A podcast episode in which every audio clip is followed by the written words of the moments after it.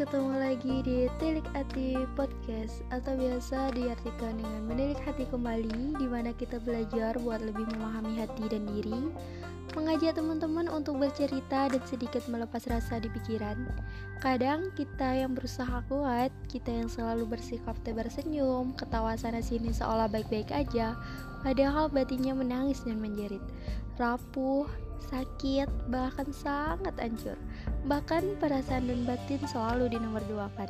Tilik hati hadir untuk lebih banyak mendengar, mengajak teman-teman buat diskusi ringan, dan mengajak kita buat me time dengan hati dan batin secara tidak langsung. Merenung dalam sunyi dan mengabadikannya dalam ilusi. Nantikan juga episode pertama kita. Semoga podcast ini bermanfaat untuk sesama. Thank you and bye-bye.